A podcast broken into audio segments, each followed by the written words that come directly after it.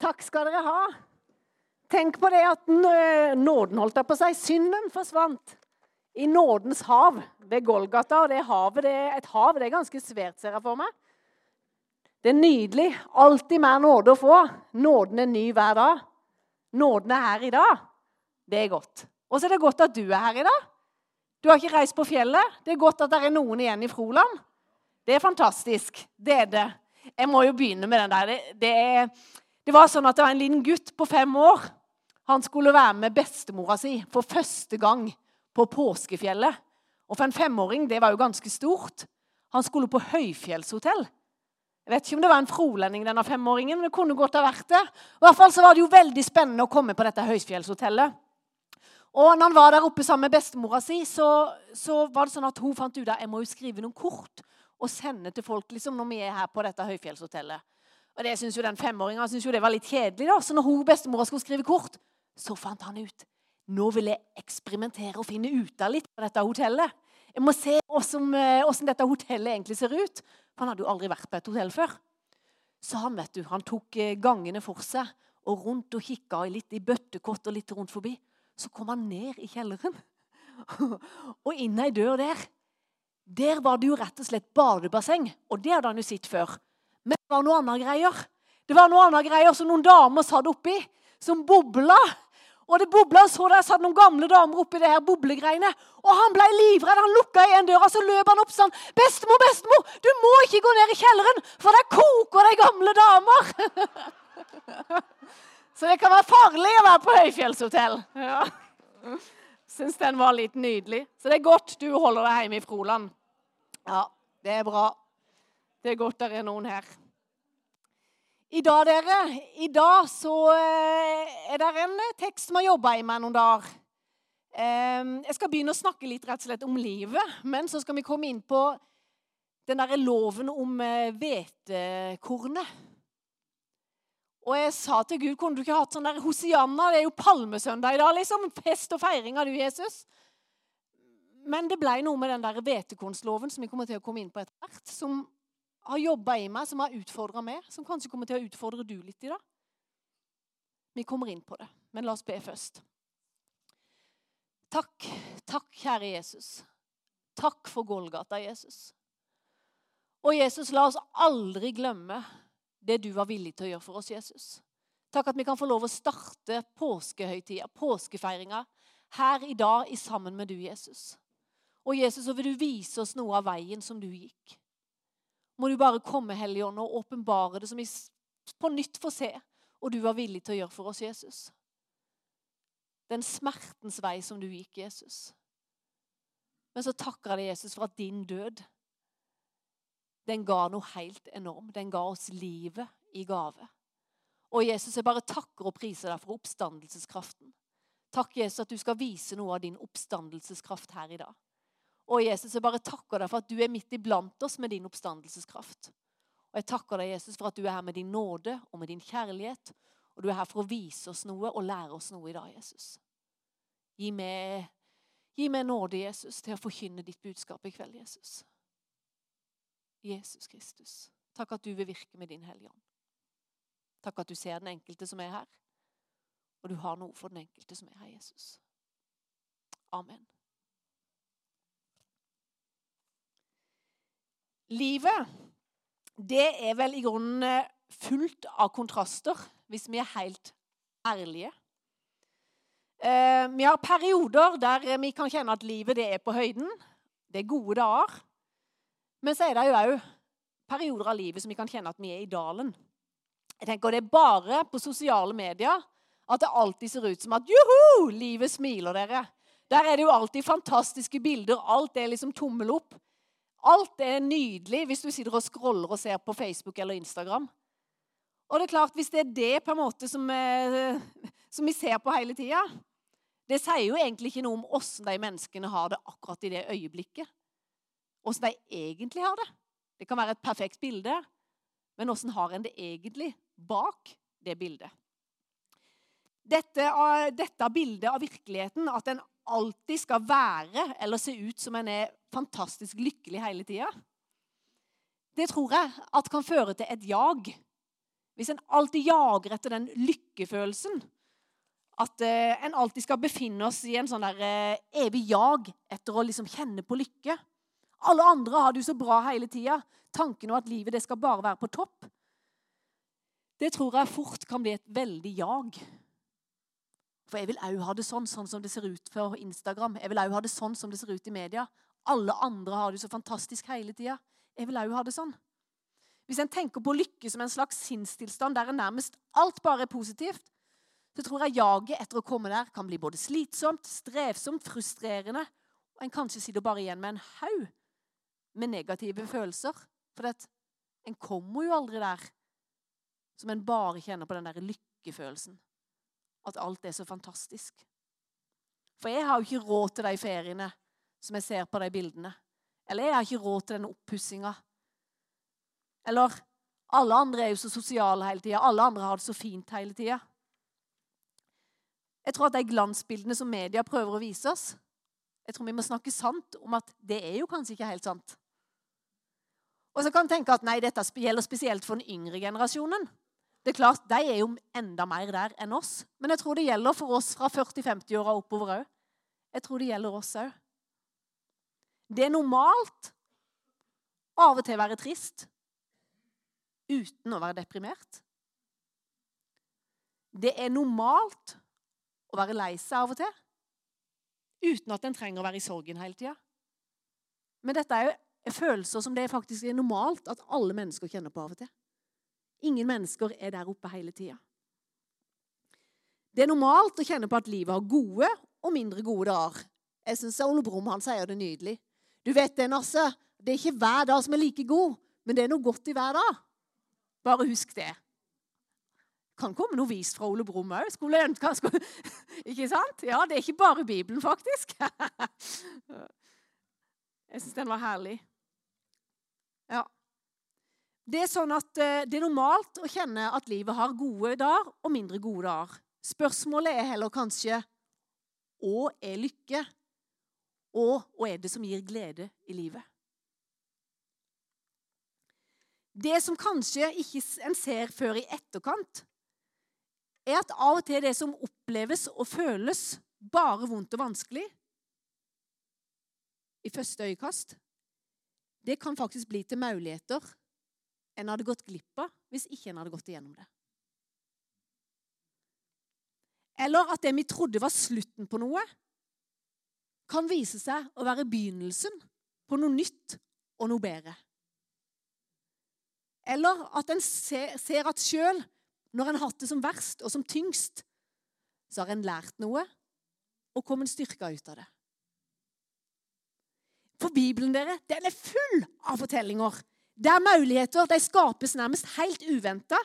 Håpet er plutselig der, sterkt og levende igjen, på tross av de forventa resultatene en kanskje tenkte på.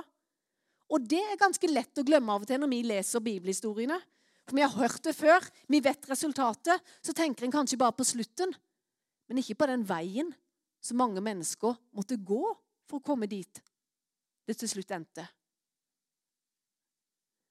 For det som er felles i mange av Bibelens fortellinger, er at alt kommer ikke lettvint eller uten omkostninger. Veien til seier og håp går ikke utenom det vanskelige og utfordrende, men veldig ofte så går det igjen. Og i dag, dere, i dag er det jo palmesøndag. Og vi nærmer oss påskeuka. Vi skal følge Jesus og hans vei. Var den veien til Jesus? Var den bare fylt Nei, nå trykker jeg for langt.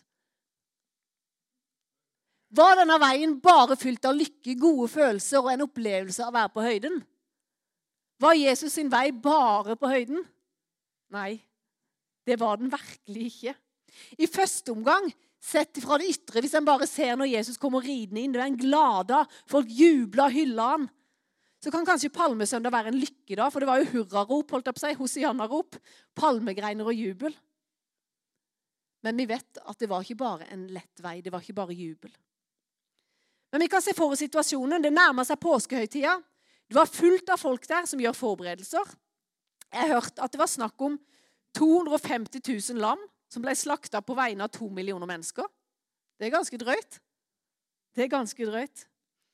Rundt Jesus så nærmest koker det av folk. Alle er på vei inn til Jerusalem. Og de skal feire tida i historien da Gud befridde israelsfolket fra slaveriet i Egypt. Men Men folket er jo igjen i på en måte et slaveri eller en, under en annen makt. De er nå under romerne. Og romerne kontrollerer plassen og stedet. Og de er på vakt, for de har hørt ryktene om Jesus, de òg. De har hørt hva som har skjedd med Jesus i dagene på vei inn mot Jerusalem, åra som har vært. Så de er veldig på vakt. Og det at folket nå var under romerne, det betydde jo ikke at jødene hadde det veldig lett. De hadde noen ganske utfordrende dager, har jeg hørt. For romerne kunne av og til bare gjøre som de ville. Jeg hørte at de kunne komme, bare komme og kapre og legge beslag på kornet, f.eks. De kunne komme og ta dyra uten forvarsel. De kunne inndra hester og vogner til transport. Kjenn på den følelsen, da. At du bare blir fratatt ting. Tyveri av personlige eiendeler skjedde òg. Altså, dette var noe av de forholdene noen av de levde under. Men bak denne virkeligheten så bar de håp. For det hadde du hørt. Det hadde de hørt om en Messias. En Messias som skulle være en konge. Og de håpte på denne Messias. At han skulle kaste ut de som okkuperte landet. At han skulle styre på en rettferdig og god måte, så de igjen kunne oppleve lykke. Midt i alt dette så er det altså Jesus nærmer seg Jerusalem. Jeg vet ikke hvilke omstendigheter du står i akkurat nå, på din vei inn mot påska. Og din hverdag består av. Jødefolket hadde det garantert utfordrende. Likevel så bar mange av dem på et håp. Et håp om at det skulle komme en redningsmann som var blitt lova dem flere hundre år tilbake. Og så var det sånn at mange hadde en klar forestilling om åssen denne redningsmannen skulle se ut. Så vet jo vi at løsningen på denne redningsmannen den ble ikke sånn som de hadde sett for seg. For Jesus var annerledes. Han kom ikke med makt i form av våpen. Men han kom for å tjene og for å gi sitt liv. I hans rike så er det jo annerledes. I våre liv så kan vi tenke ut våre planer, våre veier. Og hadde bare livet vært sånn og sånn, bare det kommer på plass, da blir livet bra. Da blir det fantastisk å leve. Eller bare hvis det skjer, så kan vi tenke, vi kan planlegge, vi kan legge våre planer ut ifra våre perspektiver, våre egne løsninger, så tror jeg av og til kanskje hender det nesten at vi går glipp av Guds velsignelser på veien. For vi er så opptatt av våre svar, av våre løsninger, sånn som vi vil at det skal se ut. De hadde en plan om hvordan de ønska og tenkte at Messias skulle se ut når han kom. Så ble det veldig, veldig annerledes. Av og til trenger vi kanskje å stoppe opp og sette oss ned hos Han som elsker oss, han som ser hele bildet, der vi bare ser noen små brikker.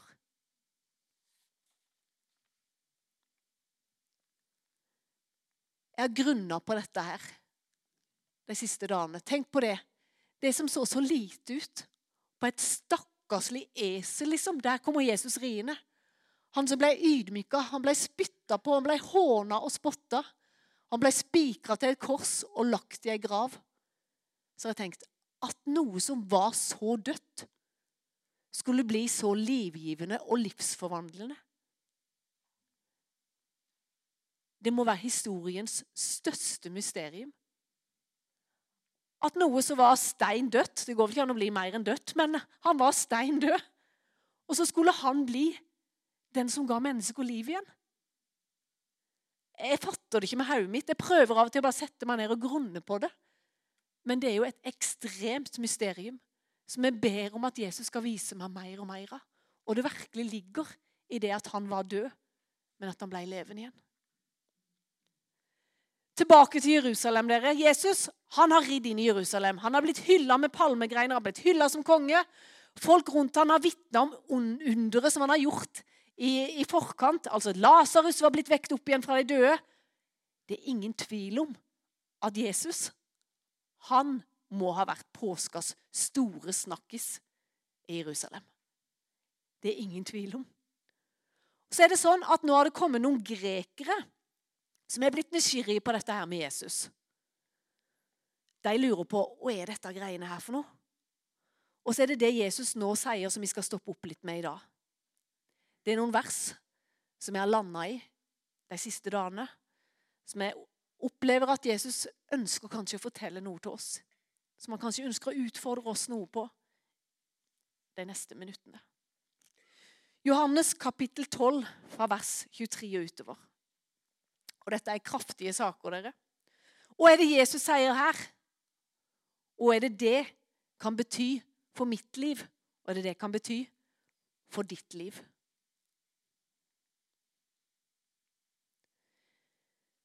Men Jesus svarte dem, 'Nå er tida inne, da jeg, menneskesønnen, skal gi mitt liv.' For dere skjønner at dersom ikke et hvetekorn faller i jorda og dør, så blir det bare med det ene kornet. Men hvis kornet legges i jorda og dør, så vil det gi liv til mange nye korn. Slik er det òg for oss mennesker. Den som elsker seg sjøl og er egoistisk, skal miste livets egentlige mening. Men den som ikke er sjølsentrert, men som er villig til å miste sitt liv, skal finne livet og få et evig liv. De som sier at de vil være mine tjenere, må være villige til å følge i mine fotspor. Der jeg er, må også de være, de som tjener meg. De skal få ros av Gud, min far. Og så sier Jesus, 'Jeg er fylt av angst, for jeg vet hva som venter meg.' Hva skal jeg si? Skal jeg be min far om å redde meg ut av dette? Nei, for det er jo derfor jeg er kommet, for å gjennomføre dette. Kjære far, jeg ber om at alle skal få se hvor herlig du er. La dem se kraften i ditt navn. Tida er inne, sier Jesus. Hvilken time er det Jesus tenker på her? Ja, Han tenker jo på korsets time. Han sjøl er hvetekornet som skal dø. Jesus han var nødt til å dø, og det visste han. Han var nødt til å dø for at mange nye liv skulle spire fram. For at ditt liv, for at mitt liv, skulle få liv igjen og spire fram. Og Jesus sin død i påska gjør jo at tilgivelse for synder ble tilgjengelig for alle mennesker som vil ta imot. Og veien til Gud blir igjen åpna. Det at Jesus dør, det er jo kun det som gjør at vi òg kan gå over fra døden til livet. For uten Gud så var vi helt fortapt. Men med Gud, dere, så er det uante muligheter. Døra til Guds rike er åpna pga. Jesus. Da er det uante muligheter. Nytt liv kan spire fram gjennom ditt og mitt liv. Og Jesu time, det var den timen og tida i verdenshistorien som Gud hadde planlagt. Han visste det at vi mennesker vi ville gå våre egne veier. Men så elsker han så høyt at han ville gi hele verden hele verden samme mulighet til å komme tilbake til farshuset. Til å komme tilbake til Gud. Han vil gi alle samme mulighet. Det ene hvetekornet skulle gi liv til alle mennesker som vil ta imot og tro.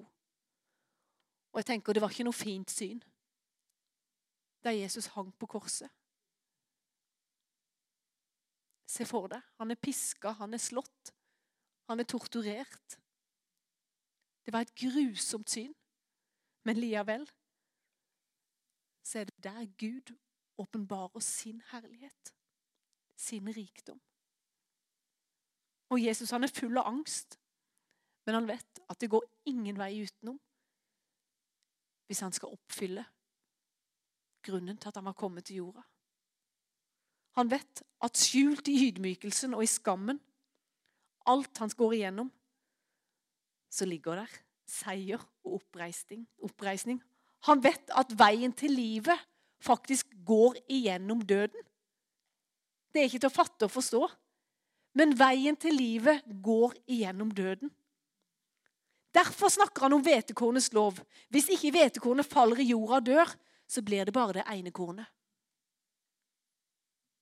Men hvis det dør, så bærer det rik frukt. Og dette er en sannhet som gjelder òg for oss. I Guds rike så er det jo totalt annerledes. For der er død noe som bringer liv med seg. Noen ganger så må noe dø for at noe nytt skal spire fram. Og her er det i hvert fall i mitt liv. Det stritter helt imot i den menneskelige naturen min. For jeg vil jo ikke at noe skal dø. Jeg vil jo ikke at noe skal brytes i stykker. Jeg misliker når ting går i stykker. Jeg vil ha framgang, jeg vil ha glede både i det materielle og det åndelige. Sånn er jo vi mennesker. Vi vil ha framgang. Vi vil jo ikke at noe skal dø. Og mye av kulturen og livsinnstillinga til oss mennesker, som jeg snakka litt om i begynnelsen, det er jo nettopp tanken og trangen til å øke vår velstand, øke vår lykke. Vi ønsker at livet skal bare være en stigende kurve. Det går bare oppover og oppover. Det er medgang og lykke. Lykke er når jeg har det bra. Men at faktisk noe må dø, det hører sjelden med til drømmen om det gode liv. Men så sier Jesus i vers 25 og 26.: Slik er det også for oss mennesker. Den som elsker seg sjøl og er egoistisk, skal miste livets egentlige mening. Det er heftig radikalt.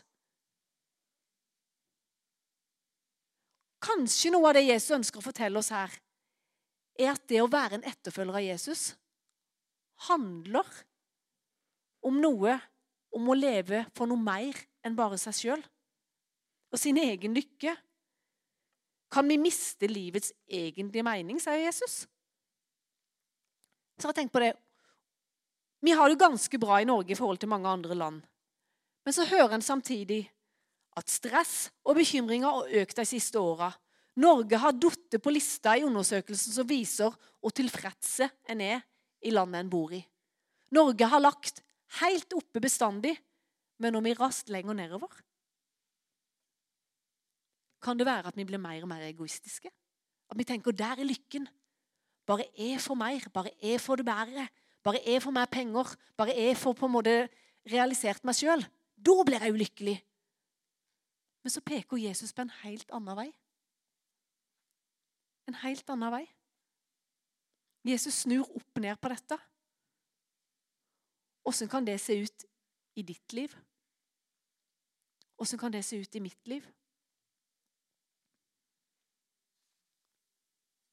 Åssen kan det se ut i våre relasjoner?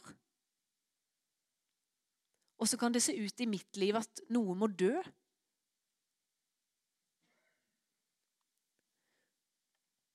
Gud skapte oss jo først og fremst til relasjon med Han, og så til hverandre. Og er det ikke akkurat der det er så forbaska vanskelig mange ganger? For hadde bare alle vært lik til meg, hadde bare alle tenkt likt som meg, hadde alle bare gjort likt som meg, da hadde det vært mye lettere. Men det er jo det som er så vanskelig i de relasjonene. Jeg er nødt til å la noe av mitt dø for at noe nytt som skal ligne mer på Jesus, skal fram, nei, vokse fram. Og det er ikke alltid like smertefritt. Det kan være utfordrende, og det kan være vanskelig. Vend det andre kinnet til når Jesus snakker med det. Ta ikke hevn. Be for de som forfølger deg. Gå en mil ekstra.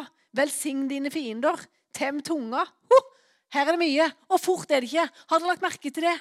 Og fort er det ikke at lærere og leger de får ofte gjennomgå. Har dere tenkt på det? Og fort er det ikke rundt middagsbordet at lærere eller leger Har vi noe mer rett til å snakke noe negativt om dem? Ut ifra mitt perspektiv, sånn som jeg vil ha det, så hadde det vært helt annerledes. Ja. Men Jesus er ganske radikal med hvordan han ønsker at vi skal bruke vår tunge. Jeg har en vei å gå. Jeg har en vei å gå. Skulle jeg fulgt min egoisme helt ut, så er det mange ting jeg hadde tenkt å gjøre når jeg er ansatt her. Men det er mange ting jeg kunne gjort på en søndag istedenfor at det er kanskje veldig naturlig å gå på en gudstjeneste klokka fem. Se på været ute i dag. Alle som elsker ski. Det er klart, Jeg kunne vært på Øynaheia helt til solnedgangen. Min egen egoisme. Det er mye jeg kunne ha gjort en søndag istedenfor å gå her og være i fellesskapet. Min egen egoisme. Det er ikke alltid naturlig å velge gudstjeneste klokka fem en søndag. Men jeg må legge ned noe av min egen ego. Fellesskapet, og så få gi Jesus ære, er jo gudstjeneste først og fremst.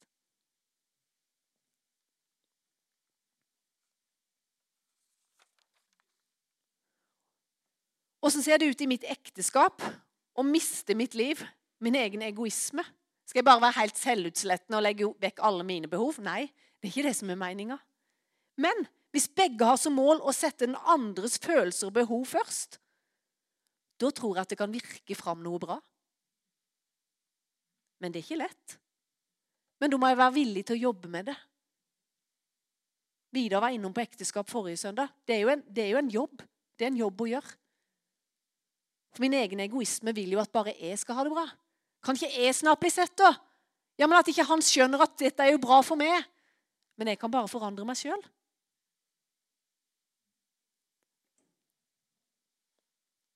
For i ekteskap kan det virkelig være hardt å la noe av sitt eget dø. Det tror jeg er bevisst en må jobbe. Vi er ikke kalt til å feilsøke hverandre. Det er lett. Det er veldig lett. Oi, alle de feila. Woo! De er lett å ramse opp. Men vi er ikke kalt til verken feilsøke hverandre eller snakke negativt om hverandre, eller å prøve å gjøre den andre lik seg sjøl. Men hvor fort er nå ikke det å gå i den fella der? Og akkurat det gjør vi ofte. Det betyr ikke at en skal unngå å ta opp ting. Men det er veldig forskjell på å si i fullt sinne at 'du er så irriterende når du aldri gidder å stille opp for meg og ungene'. Og du, Istedenfor kanskje å si at 'vet du, jeg opplever at det er litt utfordrende når du ikke er så mye hjemme. Jeg trenger det. Åssen kan vi best gjøre det for at det skal fungere? Det er ulike måter å ta opp ting på. Eller kanskje vi damer spesielt da trenger å ta opp ting. For ofte er det sånn at kanskje vi tenker at dere må jo skjønne hva som foregår inni mitt hode. Så går vi bare sånn halvsure rundt, og så sier vi ingenting. For dere må jo kunne se det og skjønne at det er noe galt. Men til og med mennene kan ikke lese hva som foregår inni hodet til damene. en trenger å snakke litt sammen av og til. Og så gjelder ikke dette bare i ekteskap, men det gjelder jo i alle relasjoner. At en trenger å legge ned noe av seg sjøl. På jobben din. På jobben din. Åssen ser det ut der? Åssen ser det ut der at du er en etterfølger av Jesus? Kan ikke alle de andre ta ut av oppvaskmaskinen da, når jeg har gjort det tusen ganger? Eller her i menigheten. Åssen ser det ut der, i relasjonene våre her? Og fort er det ikke at vi tar på den feilsøkeren der òg. Hadde bare lovsangen vært sånn? Hadde det bare vært sånn? Å, kjære min tid, hadde alt vært annerledes? Hadde bare møteledelsen vært sånn? Hadde bare kafeen vært sånn? Hadde bare den oppført seg sånn? Min egen, ut ifra mitt perspektiv, ut ifra min egen egoisme? Åssen er det blant dine venner? Og så snakker vi både til hverandre og om hverandre. Jeg kan være veldig salig å stå her med løfta hender, så kan jeg være verdens største egoist idet jeg går ut den døra. Gudstjenesten min og livet mitt kommer vel aller tydeligst fram på utsida av denne døra. For her inne er det veldig lett å være salig. Men åssen ser ditt gudstjenesteliv ut når du går ut den døra? Når du blir sendt ut i din hverdag? Inn i din heim? I dine relasjoner?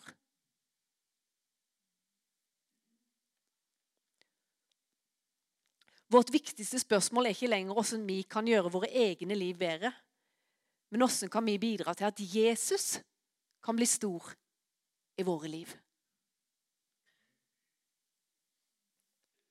Efeserbrevet kapittel 2,10 sier for vi, vi, for vi er Hans verk, skapt i Kristus Jesus til gode gjerninger, som Gud på forhånd har lagt ferdig for at vi skulle vandre i dem. Tenk på det. Og dere, var det bare lett for Jesus? Vi må gå tilbake til teksten. Da sier han, 'Jeg er fylt av angst og videre sier han de som sier at de vil være mine tjenere, må være villige til å følge i mine fotspor. Der jeg er, må også de være. Der jeg er, skal også dere være, sier Jesus. Og forteller Bibelen oss, og forteller Nytestamentet oss, og forteller den oss, og hva Jesus henne? Var han bare inne i synagogen hele tida og lovpriste Gud? Var han bare der inne og tenkte her er det nydelig å være?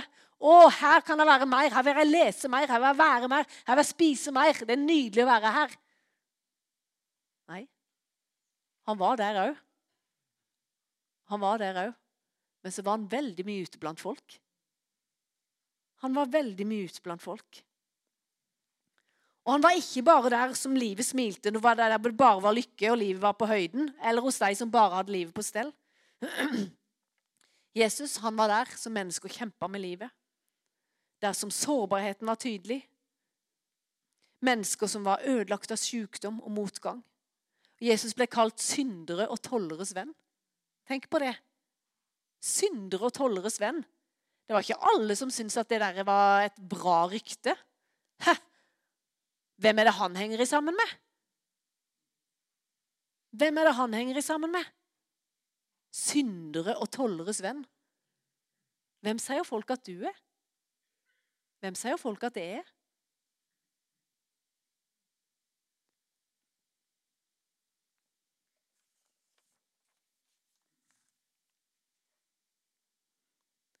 De som hadde de lange, fromme bønnene og de riktige orda og kunne Skriftene utenat, de var ikke fornøyd med hvordan Jesus var i møte med mennesker.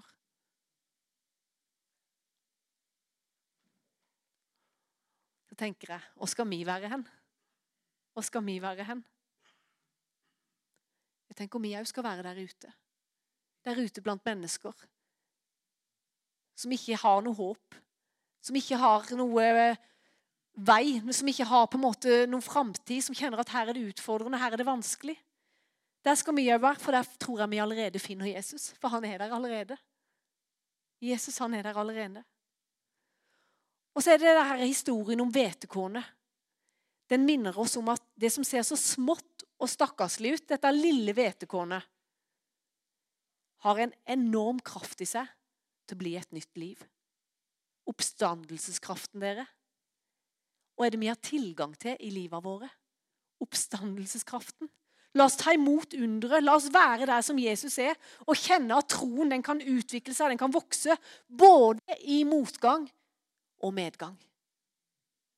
Troen kan få lov å vokse i motgang og i medgang i våre liv. Og Noen ganger så tror jeg at det der nullpunktet det er, nesten, det er uunngåelig.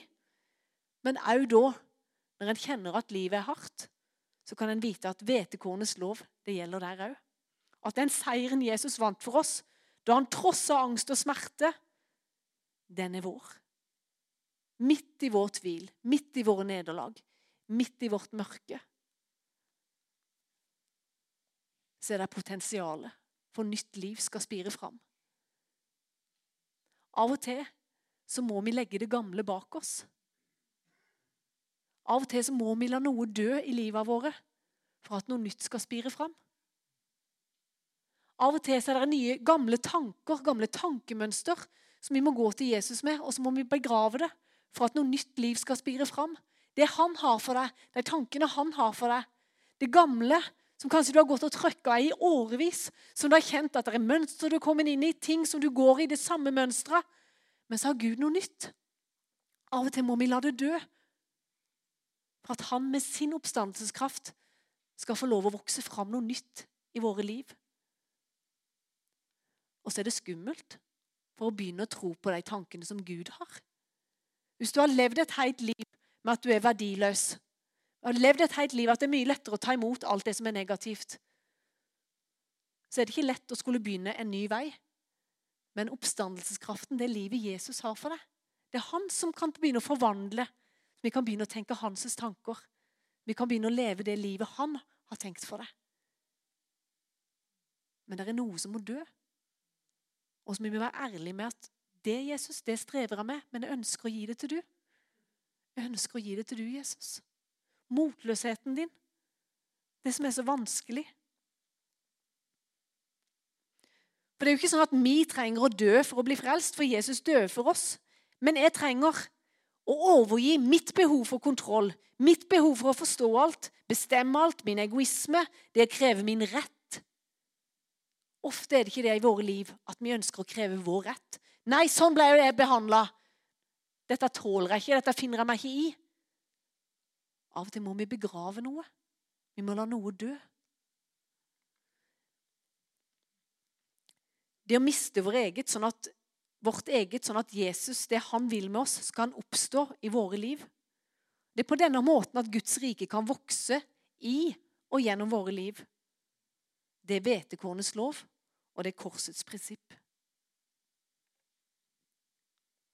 Og sånn avslutta Jesus det da han sa til grekerne i de versene vi leste. Han sa, 'Kjære far, jeg ber om at alle skal få se hvor herlig du er.' Og la dem få se kraften i ditt navn. Og Jeg ber den samme bønnen i dag. Jesus, jeg ber om at alle som er her inne, skal få se Jesus, hvor herlig du er. Og du var villig til å gjøre. Og la dem se kraften i ditt navn. For det er kraft i Jesu navn. Det er kraft til å reise deg opp. Uansett hvor mørkt det ser ut i ditt liv, så er det kraft til at Jesus skal reise deg opp igjen. Uansett hvor motløs du er, så er det kraft nok. Det er lager nok. Oppstandelseskraften gjelder i dag. For der kommer en påskemorgen. Der kommer en påskemorgen, men det er alltid en vei igjennom. Men det er kun én. Det er kun én som kan hjelpe deg til å se det peke på ting i ditt liv som du trenger at skal dø. La påska igjen få minne deg om oppstandelseskraften. Kraften i Jesu navn. Navnet som er over alle navn. Det er kun det navnet som gjør at vi kan ha håp og forventning, selv om det ser mørkt ut. For det er han som sier at han har ikke gitt oss motløsheten sånn.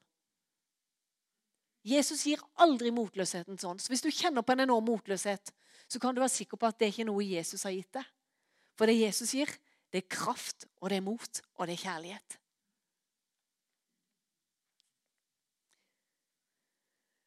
Jeg opplever at det er tre utfordringer Tre utfordringer som jeg skal gi til slutt i talen i dag.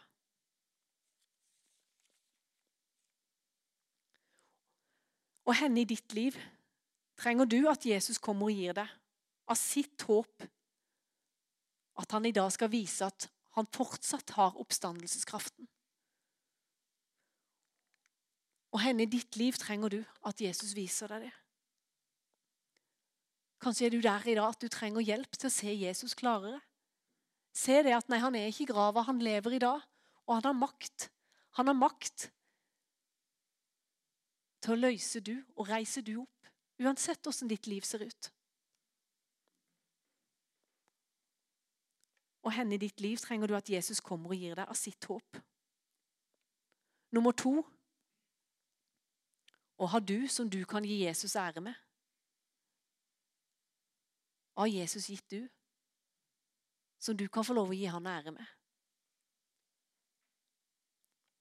Og den siste utfordringen som jeg kjente har jobba veldig i mitt liv, som jeg tror dere er mennesker i dag Jeg tror dere er mennesker i dag som trenger å spørre Jesus Jesus, om må jeg la dø? Om må jeg la dø i mitt liv for at det Jesus vil, skal vokse fram. Om jeg lar dø i mitt liv. Om det handler om ting du har dratt med deg som du har båret på fra hele barndommen. Om det handler om ting som er med tilgivelse. Om det handler om ting som dine nederlag, dine skuffelser i livet. Ditt behov for kontroll. Alle har vi områder i livet vårt der vi er egoistiske. Og trenger jeg å la dø i mitt liv. Og det som er fantastisk, at Jesus han kommer alltid med håp. Han kommer alltid med håp. Han bøyde seg alltid ned for å reise mennesker opp igjen. Opp av senga, opp av støvet, opp av bølgene, opp av skammen, opp av håpløsheten. Og veien til mennesker var ikke bare lykke, men Jesus åpna øynene så de fikk se han. De fikk se han. Han som har oppstandelseskraften, han som har seira over døden. Han som er veien, han som er sannheten, og han som er livet. Stefan, kan ikke du sette på litt sånn rolig musikk? Og så tenker jeg, Kanskje du sitter her og kjenner at noen av de utfordringene der treffer deg. Det er ting i ditt liv som du kanskje kjenner at Den hellige ånd peker på, som du trenger å la dø. Eller du kjenner at du trenger å få håp inn i livet ditt. Vi bruker litt tid i bønn nå. Jeg bare ber litt først. Kjære Jesus. Kjære Jesus. Takk at du er her med din Hellige Ånd. Takk at du er her og rører med oss, Jesus. Jesus, takk at du er den som seira over døden. Kun du er den som kan gi oss håp. Kun du er den som kan komme og løfte oss opp når vi er nede. Jesus, jeg bare takker deg for det at du kom ikke med motløsheten sånn, men du kom med kraft og kjærlighet og visdom. Jesus, jeg bare ber deg for mennesker som er her i kveld, Jesus, som kjenner på motløshet. Å, Jesus, bare kom, Jesus. Kom og vis deg som seiersherren. Kom og vis deg som den oppstandende. Å, Jesus, la mennesker få se deg på nytt, Jesus. Og Jesus, at det er en påskemorgen. Og Jesus, at vi trenger ikke alltid å leve våre liv i det som er mørkt og vanskelig, Jesus. Men Jesus, hjelp oss til å begrave det som har vært Jesus. For Jesus, for å se at du er den oppstandende. Å, Jesus. Takk, Jesus. Så takker jeg deg, Jesus, for at din vei, den var ingen enkel vei. Men takk at du var villig til å gå den, Jesus. Jesus, så ber jeg deg om at du må hjelpe oss, Jesus, til å være villig til å gå den veien du kaller oss på. Et liv i etterfølgelse av du, Jesus. Det koster du alt, det koster deg livet, men hjelp oss til å være villig. Selv om det koster for oss, Jesus, så må du komme, Hellige Ånd. Peke på ting i våre liv som vi trenger at skal dø. Kom, Hellige Ånd, nå, og pek på ting i våre liv som vi trenger å komme, som vi trenger å bekjenne Jesus. Som vi trenger å bekjenne Jesus. For at du skal få vokse deg stor i og gjennom våre liv. Og Jesus, det koster av og til å la noe dø. Min rett, min vei. Det som jeg tenker er det beste. Å, Jesus. Jesus, kom med tilgivelsens kraft, Jesus. Takk at vi kan bare tilgi for det du har tilgitt oss. Kom, Hellige Ånd. Og hjelp mennesker til å ta bestemmelser, Jesus. Hjelp mennesker til å ta bestemmelser nå, Jesus. Jesus. Jesus. Takk at du er den som kan gjøre at det kan spire fram nytt liv. Men av og til så må vi la noe dø. Hjelp oss til å være villige til det, Jesus, for at ditt liv skal vokse fram. For at frihet skal vokse fram, Jesus. Å, Jesus, for du ønsker jo det beste for oss, Jesus. Du gjør det fordi du elsker oss, Jesus.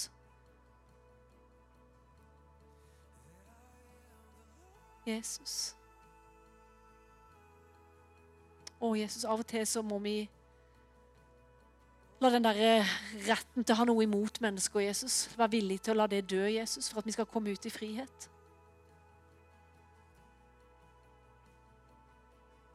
Jesus Kristus. Så takk at du utfordrer oss i kveld, Jesus, på hvordan vi med våre liv kan ære du. Ære du på palmesøndag, Jesus. Hvordan kan eh, vi med våre liv, Jesus, med vår økonomi, med vår tid, med våre prioriteringer Vis oss, Jesus. Hvordan kan vi ære du med vårt liv? På våre arbeidsplasser, i våre heimer, Jesus, i våre familier, på skoler, Jesus.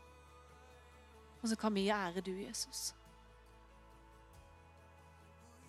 Jesus, hjelp oss til å leve våre liv når vi går ut av denne døra i dag, Jesus.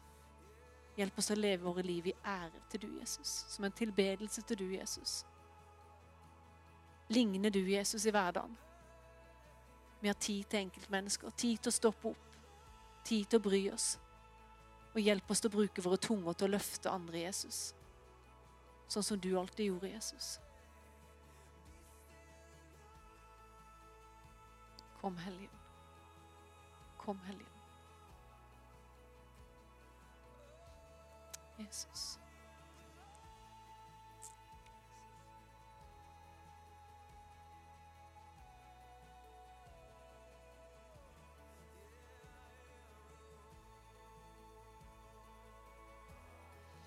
Jeg kjenner så tydelig på akkurat det der med at noe må dø i våre liv. Jeg vet ikke, Hvis, hvis det er sånn at du kjenner på det, så ønsker jeg bare at du skal rekke opp hånda di. Det kan hende bare i mitt eget liv. Men hvis du kjenner på det at Den hellige ånd peker på ting i ditt liv, så bare alle lukker øynene sine. Det er ingen som trenger å se.